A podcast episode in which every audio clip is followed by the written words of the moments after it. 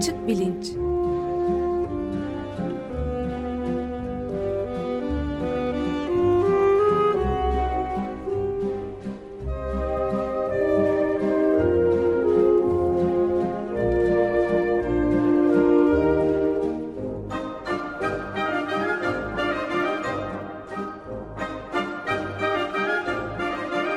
Güven Güzeldere ile bilim ve felsefe sohbetleri. Günaydın Güven Bey, merhabalar. Günaydın Ömer Bey. Günaydın Güven Bey, merhaba. Günaydın Can. Evet, bu programda da bir öncekinde olduğu gibi Profesör Ayşenil Belger'le beraberiz.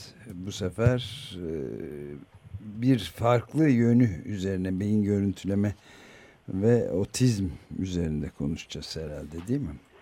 Evet geçen hafta e, beyin görüntüleme yöntemleriyle şizofreni konusunda yapılan araştırmalardan bahsetmiştik. E, Ayşenil Belger'in bir başka araştırma alanı otizm. E, ben e, geçen haftaki programı kaçırmış olabilecekler için e, kısaca söyleyeyim. Profesör Ayşenil Belger Kuzey Carolina Üniversitesi'nde psikiyatri bölümünde e, beyin görüntüleme araştırmaları e, direktörü. Aynı zamanda Duke Üniversitesi'nde de görevli. 2000 senesinden beri orada çalışıyor. Daha önce Yale Üniversitesi'nde e, çalıştı. Ondan önce e, Illinois Üniversitesi'nde e, doktorasını tamamladı. E, üniversite eğitimini ise e, Ege Üniversitesi Psikoloji bölümünde e, almıştı. E, Mayıs ayının sonunda e, gerçekleşen, Ankara'da gerçekleşen Ulusal Sinir Bilim e, Kongresi'nin de e, davetli konuşmacılarından biriydi ve o konuşmasında hem otizm hem şizofreniden bahsetmişti. E, otizmle şizofreni birbirinden çok ayrı farklı şeyler fakat e, beyin görüntülemeyle e, e, araştırılarak e, ileriye doğru adımlar atılması konusunda aslında ortada ortak bir e, araştırma alanı var gibi gözüküyor. E, buradan yola çıkarak önce belki biraz otizm nedir bundan başlayıp daha sonra beyin görüntüleme e, yöntemleriyle ne şekilde yeni bulgular e, elde ediliyor böyle e, devam edelim. Hoş geldin Ayşenil. E, sözü şimdi hemen sana bırakıyorum. Hoş geldiniz. Hoş geldiniz. Hoş bulduk. Tekrar çok teşekkürler. Ee, bana bu fırsatı verdiğiniz için. Ee, ben hemen e, otizmin tanısına geçiyorum önce. Çünkü otizm aslında çok e, iyi anlamadığımız bir hastalık. Hasta e, hatta şu anda otizmin bir hastalık olmadığını ve otizmin daha çok bir belli davranış paternini belir yani gö gösterdiğini düşünüyoruz. Yani bir insan otizm paternleri arasında özellikle iletişim bozukluğu olmak üzere yani e, ifade hatta birçok otistik çocuk hiç konuşmuyor. E, ikinci belirtisi e, otizmin e, sosyal ve duygusal e, küntlük olarak düşünüyoruz. Yani e, duygularını e, ifade edemeyen veya karşısındakinin duygularını anlamayan ve empat, empatik yani duygus başkası üzülünce kendisi de üzülüp başkası sevinince kendisi de sevinemeyen e, duygusal bir soğukluk, e, donukluk olarak düşünüyoruz.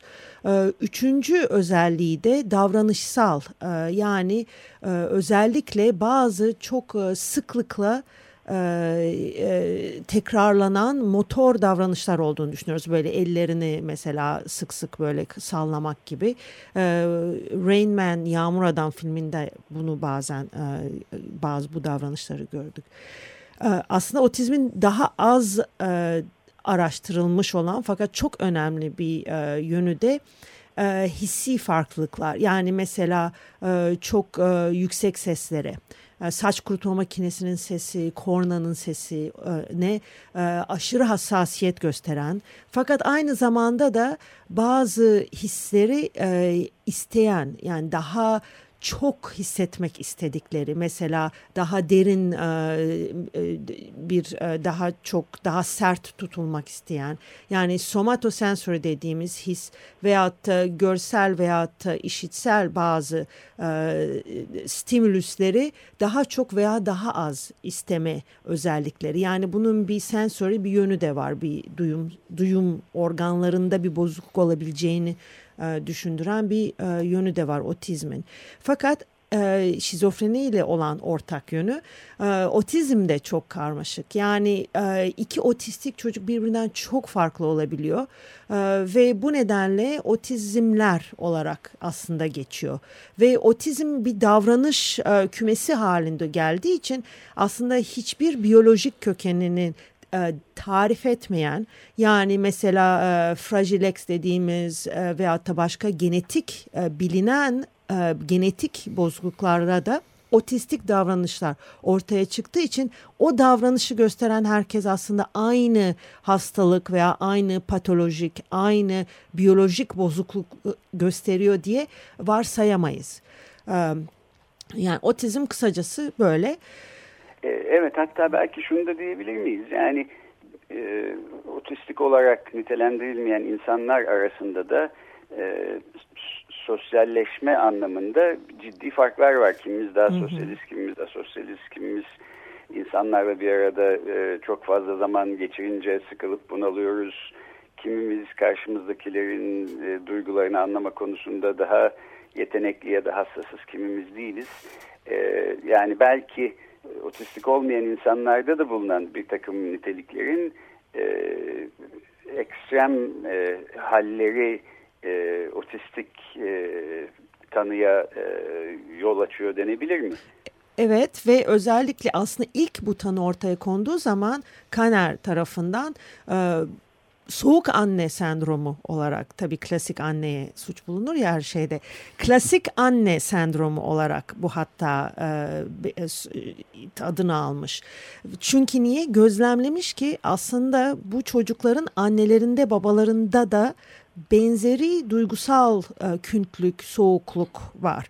Ve o gözlem aslında çok önemli. Çünkü şu anda biyolojik araştırmalarımızda yani beyin görüntüleme araştırmalarımızda e, otistik çocukların annesini babasını araştırdığımız zaman hakikaten sırf davranışsal yönden değil beyin fonksiyonları açısından da e, örtüşen, benzeşen bazı diğer yani otistik olmayan e, çocuklar ve otistik çocuğu olmayan anne babalardan farklı olan fakat otizmi olan insanlara çok benzer ortak yönleri olduğunu görüyoruz.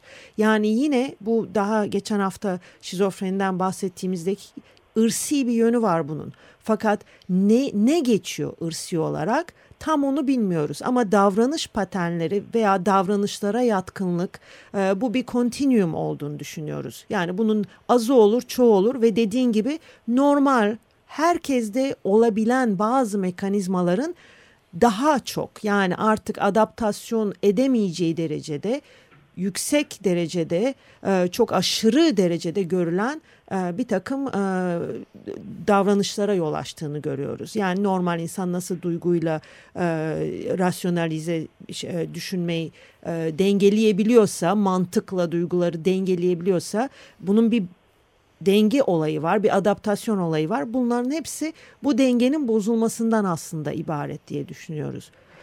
Ben de bir de şunu pardon, pardon e, buyurun Ömer Bey. E, pardon, e, şey sormak istedim. Şimdi bu duygusal kuntluk e, meselesi de bu algıda mı yoksa dışarı vurmada mı, yansıtmada mı yoksa ikisinde birden mi oluyor? Çok iyi bir soru. İkisinde birden oluyor. Ee, yani mesela örnek olarak e, diyelim ki işte e, bir gülen veya ağlayan insan resimleri gösteriyorsunuz. Ee, bunların mesela insan olduğunu görüyor, yüz olduğunu görüyor. Ee, fakat duygusunu tanımlayamıyor size. Mutlu mu mutsuz mu diyemiyor. Ee, bununla beraber ona sorduğunuz zaman sen mutlu musun mutsuz musun dediğin zaman bu pek cevap verebileceği bir soru değil. Ama bu herkes için geçerli değil tabii. Bazı otistik kişiler aslında duygularıyla son derece e, ifadeli olabiliyor ama motor motor semptomları daha çok oluyor. Ellerini sallıyor, anksiyetesi yüksek oluyor. E, bir kısmında da e, aşağı yukarı bunların mesela yüzde otuzunda zekaları çok düşük oluyor. Mesela bir kısmının zekası çok yüksek oluyor bazı alanlarda. Matematik yeteneği, işte ne bileyim engineering alanlarında falan bunlar mesela çok çok başarılı olabiliyorlar ama sosyal iletişimi çok zayıf oluyor. Yani böyle adacıklar halinde yetenekleri ya çok yüksek oluyor ya çok düşük oluyor. Ama beraber böyle e, görüyorsunuz ki kişiden kişiye çok farklı bir tablo ortaya çıkabiliyor otizmlerde. Evet hatta algı konusunda e, Ayşe senin e, Kuzey Carolina Üniversitesi'ne tam geldiğin yıllarda e, doktora sonrası araştırmacı olarak çalışan Kevin Talfrey bu konuda bir hı hı. E, beyin görüntüleme çalışması yapıyordu. Sen de hatırlayacaksın. Hı hı. Bazı otistik hastalar mesela e, yüzleri e, diğer insanların baktıkları şekilde e, görmüyorlardı. Gözlerinin nereye baktığını araştırarak e, bu çalışmayı yapmıştı. E, dolayısıyla insanların yüzündeki e, duygusal ifadeyi tanımaktaki zorluk aslında e, duyusal daha basit temel bir zorluktan kaynaklanıyor gibi bir tezi e, bence ikna edici bir şekilde öne sürmüştü. Dolayısıyla algı kısmında da böyle bir takım e, bozukluklar e, olduğu söz konusu anlaşılan. Ben ama işin gen genetik kısmı ile ilgili bir şey sormak isteyeceğim. Geçen hafta şizofreniyi anlatırken dedin ki çok genli bir risk profili var şizofreninin tek bir genden kaynaklandığı düşünülmüyor ve ırsi bir tarafı olduğu da düşünülüyor. Yani ailede bir şizofren varsa kişinin şizofren olma e, ihtimali yükseliyor. Evet. Otizmde de buna benzer bir durum hı hı. var ama anladığım kadarıyla burada e, önceden belirlenmiş bir mutlaklık yok. Şizofrenide de hı hı. yok. Yani hı hı. bu riskleri taşıdığımız halde belki üç kardeşin üçü de taşıdığı halde bir tanesi evet. de e, şizofreni görülebiliyor. Diğerlerinde görülemiyor. Sen bunu e, gelişim süreci içindeki başka faktörlere e, hı hı. bağlayarak açıklanabileceğini söylemiştin. Mesela strese olan e, kişinin verdiği tepki.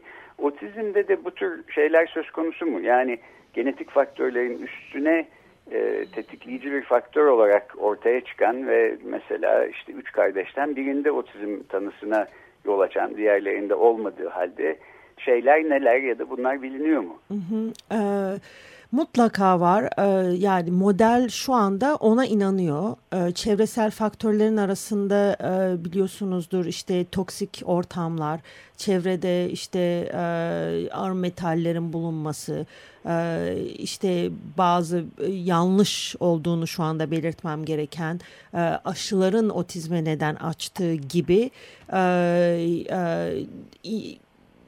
hipotezler var diyeyim.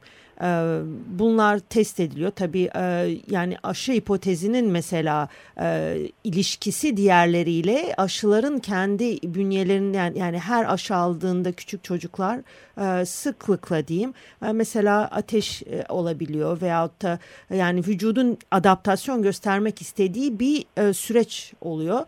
Ve eğer ki zaten vücutta bir e, zayıflık veyahut da bir e, e, e, yatkınlık varsa belki o süreci tetiklemiş olabiliyorsunuz. Yani bunun aşının kendisiyle bir ilgisi yok da herhangi bir enfeksiyona gösterebileceği bir e, değişim olabiliyor. Fakat en önemlisi e, otizm çok küçük yaşta tanı konuyor şizofreniden en büyük farkı aslında Farkı bu. O, evet. E, iki yaşına kadar tanı genellikle konmuş oluyor. Hatta şimdi bu yeni beyin araştırmalarının e, e görüntülemelerinin en büyük e, e, katkısı diyeyim ee, çok yeni bu bulgular yani son mesela 1-2 sene içinde bunlar ortaya çıktı. Otistik çocukların yeni doğan kardeşlerine diyelim 3 yaşında çocuk otizm tanısı aldı ve bir bebek kardeşi oldu. O bebeği takip etmeye başladılar. Aslında bizim North Carolina Üniversitesi'nde bu araştırma yapılıyor. 10 üniversite beraber çok büyük bir araştırma yapıyor. Ee, ve bu bebeklerin beyinlerinin gelişimlerine bakıyorlar. 3 ayda bir bebek e, hem klinik açıdan e, değerlendiriliyor hem de beyinlerine bakılıyor. Hem fizyolojik olarak yani e, bu bebeğin beyin bölgeleri birbiriyle nasıl iletişim kuruyor. Ve aynı zamanda da anatomik olarak bakılıyor. Yani acaba beynin bir bölgesi tam gelişmiyor mu? E, nedir bu davranışların ortaya çıkma nedeni? Ve tabii davranışlar da takip ediliyor. Şimdi e, bu araştırmanın en önemli gösterdiği şey bir defa çok çok küçük yaştan itibaren daha çok motor ve e, sensory yani duyumsal e, düzeyde farklılıklar olduğu bu çocuklarda. E, fakat aslında otistik e, tabloyu düşünürseniz daha çok dikkatimizi çeken bu daha kompleks kognitif e, değişimler. Yani aslında önce ilk belirenler sensory olup davranışsal ve pardon e, duyumsal duyu, duyu e, ve motor bozuklukları olduğu şimdi düşünülüyor. Ve bu çocukların e, beyinlerinde bir beyin bölgesiyle başka beyin bölgelerinin arasındaki senkronizasyon, komünikasyonda bozukluk olabileceği düşünülüyor. Bu aslında bir mekanizma açıklamıyor. Yani bu nasıl, neden olduğu daha moleküler araştırmalarla ortaya çıkacak. Ama odak noktasını daha ağ, beyin ağlarının gelişiminde bir bozukluk olarak e, öneriyor ve bu odak noktası üzerine tabii fokus edilip şimdi bunların nedeni ne olabilir? Biyolojik, genetik, fizyolojik nedenleri ne olabilir? O bakımdan bunlar önemli. Yani erken bebekler üzerinde yapılan erken görüntüleme çalışmaları bu tür yeni bilgilerin üretilmesinde şu anda çok e, kritik önemli bir rol oynuyor. Özellikle otizmde. E, ben de bu noktada bir şey sorabilir miyim? Ee, bu e, şeyde Sundance Film Festivali'nde gösterilen henüz maalesef seyredemediğim ama çok ilginç e, parçalarını seyrettiğim Life Animated diye bir hmm, film evet. var. Ron Suskind'ın oğlu 3 yaşındayken erken teşhisteyken oğlu Owen'ın 3 yaşındayken işte kopup gittiğini ve hiç temas, göz teması ve konuşmayı kestiğini buna karşılık büyük bir keşifte bulunup Ronson Skyn çok e, tecrübeli bir gazeteci bizim izlemeye çalıştığımız e, Disney karakterleriyle animasyon filmlerindeki karakterleriyle bir bağ kurduğunu keşfediyor ve çocuk e, normal yani normal diyebileceğim çok önemli bir toparlama geçiriyor. Film yani çok ilginç bir olaydı bu. Evet, bence bu e, verdiğiniz örneğin en önemli e, mesajı veya gösterdiği en önemli şey aslında e, iletişim e, kurma yönlerinin bizim şu anda anladığımız metodlarla ve yönlerden başka yönler olabileceği. Yani mesela kişi diyorsunuz e, bakmıyor ve duyguları anlamıyor. Şimdi belki anladığını ifade edemiyor. Çünkü o ortamda başka evet. sorunlar var. Mesela o ortamda işte çok anksiyetesi var. Yeni bir ortamda çok utangaç, konuşmuyor. Siz onu sessiz zannediyorsunuz ama aile içinde arkadaşlarına mesela çok konuşuyor. Yani ortam ve çevre ve o çevrenin getirdiği e, beklentiler belki o kişinin kendini ifade etme ve anlayıp bildiğini ortaya koyma yeteneğinin ne uygun değil o ortamda ifade edemiyor kendisini. Bu bir psikolojik ortam olabilir. Ee, anksiyete hissediyordur. Ee, bu bir duyusal ortam olabilir. İyi duymuyordur. Ee, sosyal ortam olabilir. Ee, başkalarıyla spesifik insanlarla beraberken yapamıyordur. Ve hakikaten biyolojik bir yetersizliği vardır. Ve bu bahsettiğiniz örnek aslında bizim e, bu tür hastalara nasıl komünikasyon kurabileceğimiz konusunda önemli dersler veriyor.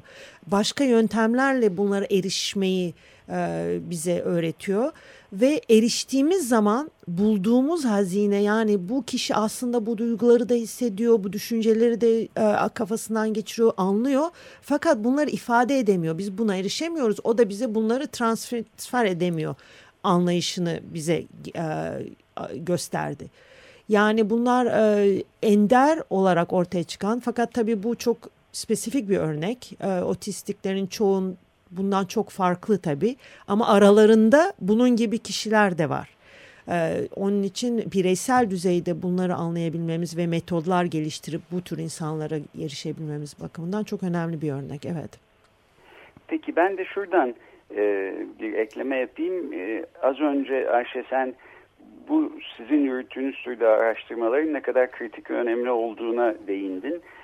Kongrede de e, seninle benimle başkalarıyla konuşan e, genç öğrenci arkadaşların sık sık dile getirdikleri bir şey vardı. Diyorlar ki e, biz temel bilimler e, çalışıyoruz. İşte mesela biyoloji ya da genetik gibi ama e, bizi e, beğendiremiyoruz kimseye bu yaptığımızı. Çünkü diyorlar ki işte e, bir biyolog olarak okuldan mezun olduğun zaman olsa olsa e, bir laboratuvarda teknisyen ya da ya da laborant olursun. E, mühendis olman gerekirdi onun yerine filan.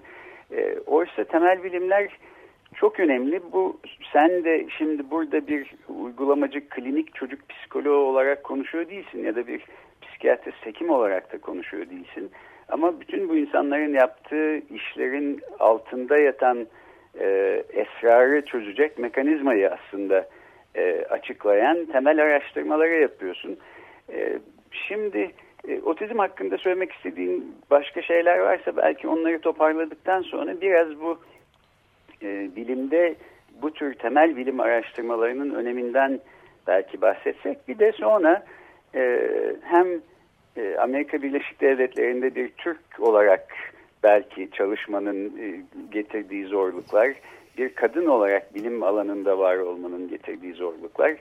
E, bunlardan bahsedip biraz da e, bize hep kongrede geleceğe dair sorular soran genç arkadaşlara ilham olacak bir şeyler belki söylemek istersen programı da öylece noktalayalım diye düşündüm. Pekala. Şimdi önce otizm e, konusunda son bir söz söylemek istiyorum.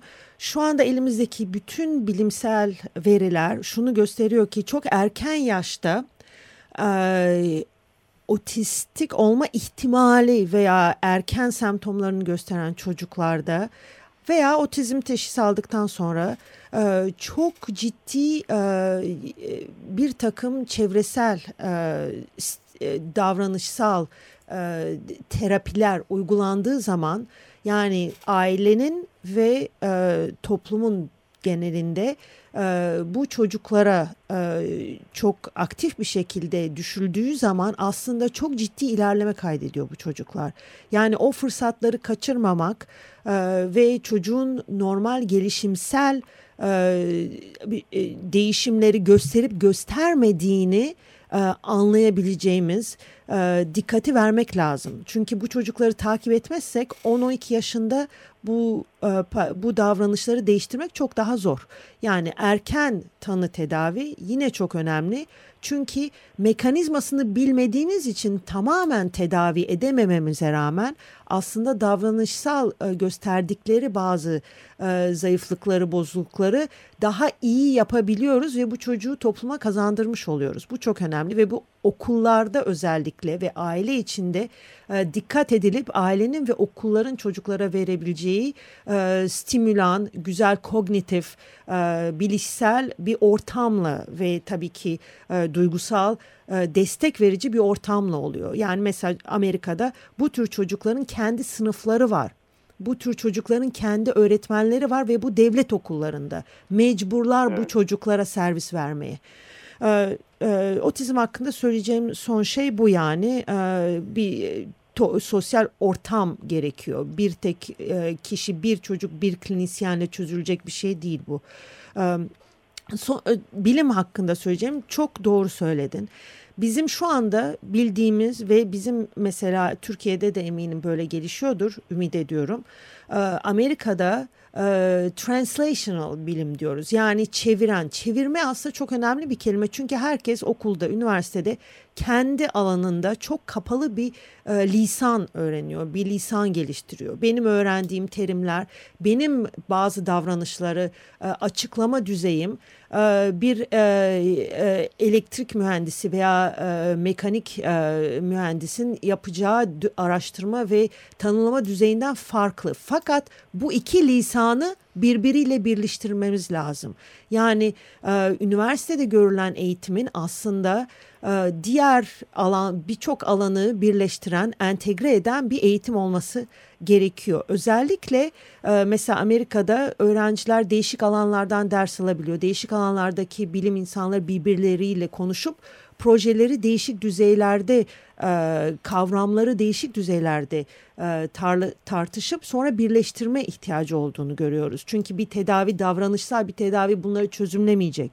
Biyolojik bir tedavi, biyolojik ne demek? Yani hücre düzeyinde, metabolik düzeyde, e, fizyolojik düzeyde bir takım değişiklikler yapmak gerekecek. Benim kendi gelişimim sırasında akademik ortamda benim söyleyeceğim şu tabii daha önce de söyledim çok meraklı olmaları ve bu meraklarını agresif bir şekilde takip etmeleri lazım e, öğrencilerin. Özellikle e, kadınların e, bizim e, bizim ortamımızda bilime, temel bilimlere yönlendirilmesi, bunun ödüllendirilmesi, teşvik edilmesi, komünikasyonlarının bile daha kolaylaştırılması e, önemli ve kendilerine ben bunu daha önce de söyledim iyi kadın rol model seçmeleri lazım. Çünkü daha önce söylediğim gibi bu taklitle olmuyor. Hakikaten emülasyon ve karşındaki kendini olmak istediğin birisi gibi birisini bulup kendini o hocayı takip edebilmen lazım. Ve sürede bitmek üzere ama ben bir ufacık soru daha sormak istiyorum. Geçen geçen yıl vefat eden müteveffa e, Oliver Sacks. Hmm ee, yanılmıyorsam Mars'ta bir antropolog kitabının bir dipnotunda e, otistiklere yalan söylemenin pek mümkün olamayacağını e, tespit etmişti. Hayretle kendi görmüş bir Amerikan başkanının konuşmasını dinleyen otistiklerin kahkahadan kırıldıklarını ve hiç komik bir şey söylemediği halde onu düşünerek bulmuş ki yalan söylediğini keşfedince gülüyorlar. Bu doğru mudur? E tabii evet olabilir. Yani e, bunu söylemek doğru mu bilmiyorum ama belki bizde de bu tür davranışlar olsa bazı e, karşındaki toplumsal düzeyde bazı yalanları e, daha iyi e, algılayıp ifade edebiliriz. Fakat e, doğru şu bakımdan doğru yani e, gösteriyor ki bizim bazı temel hastalıklar hakkındaki temel inançlarımız bizim sorduğumuz sorulara aldığımız yanıtlarla e, kısıtlı. Eğer biz yanlış soruyu soruyorsak yanlış yanıt alıyoruz veya yanıt alamıyoruz. Yani acaba biz başka türlü mü yanaşmalıyız bu hastalıkları anlamaya? Ee, bu insanlarla başka türlü mü iletişim kurmalıyız? Onlara başka fırsatlar vermeliyiz kendilerini ifade edebilmelerini. Bu arada Oliver Sacks benim araştırma kariyerimde e, kişisel olarak tanıma şansım olmamasına rağmen ilk okuduğum kitaplardan biridir onun kitapları e, ve hakikaten e, olağanüstü bir e, bilim insanıydı. Çünkü hep gözü açıktı, hep gözlemliyordu ve hep bunu ben nasıl anlarım, nasıl açıklarım diye yani kendi içine dönük, kendi duygusal açıklamalarıyla her şey yanaşıyordu. Ve bence yeni bilim üretmenin en iyi yöntemi bu. Var olan şeyler üzerine kendimizi kısıtlamamak, hep yeni soruyu sormak. Ne kadar ilk başta bu soru aptalca gelse de insana aslında siz merak ediyorsanız onu başkaları da merak ediyordur. Ee, yeni paradigmaları aramak ve kendini o yöne doğru itmenin e, çok önemli olduğunu gösteriyordu bence. Çok evet, çok teşekkürler. Bu aslında ilham verici e, sözler içinde Ulusal Nörobilim e, Sinir Bilim Kongresi'nde de e, Ayşenil Belger'in konuşması öncesinde kendisini tanıtan kişi Ege Üniversitesi Psikoloji Bölümünden e, önem verdiği bir hocasıydı. Evet e, Şakire Pöğün, e, Şakire hocamız Ege Fizyoloji'den, evet. Dolayısıyla kendini bir bilim kadını olarak gören, tahayyül eden, bu yolda ilerlemek isteyen genç arkadaşlara Ayşenil Belger gibi insanları rol modeli olarak almalarını önereyim. Türkiye'nin parlak beyinlerinden ve e, önde gelen beyin bilimi araştırmacılarından Kuzey Carolina Üniversitesi'nde psikiyatri bölümünde profesör Ayşenil Belger konumuz oldu. Geçen hafta şizofreniden bu hafta otizmden bahsettik. Ee, Ayşe çok teşekkür ediyoruz. Ee, zahmet edip geldiğin için stüdyoya kadar. Ee, seni ileriki programlarda da yeniden ağırlarız diye umuyoruz. Bu kongre sayesinde biz de yeniden buluşmuş, görüşmüş olduk. Çok teşekkür ederim. Ben, çok ben çok teşekkür ediyorum Güven Ömer Bey bu fırsatı verdiğiniz için. Programlarınız harika. Ee, ben de buna katıldığım için hakikaten çok özel bir fırsat. Çok sevindim. Ee, çok teşekkürler. Çok teşekkür. Beyin görüntüleme ve beyin bilimleri serimiz e, birkaç programlı daha önümüzdeki haftalarda devam edecek. Ee, gelecek hafta görüşmek üzere diyorum. Hoşçakalın. Hoşçakalın.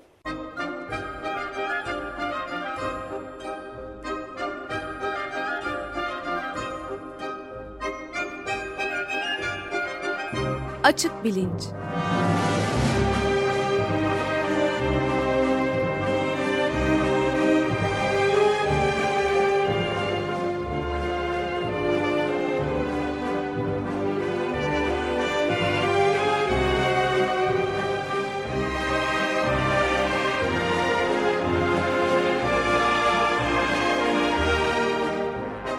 Güven Güzeldere ile bilim ve felsefe sohbetleri.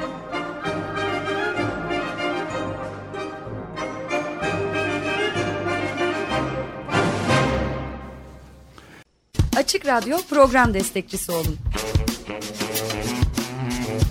Bir veya daha fazla programa destek olmak için 212 alan koduyla 343 41 41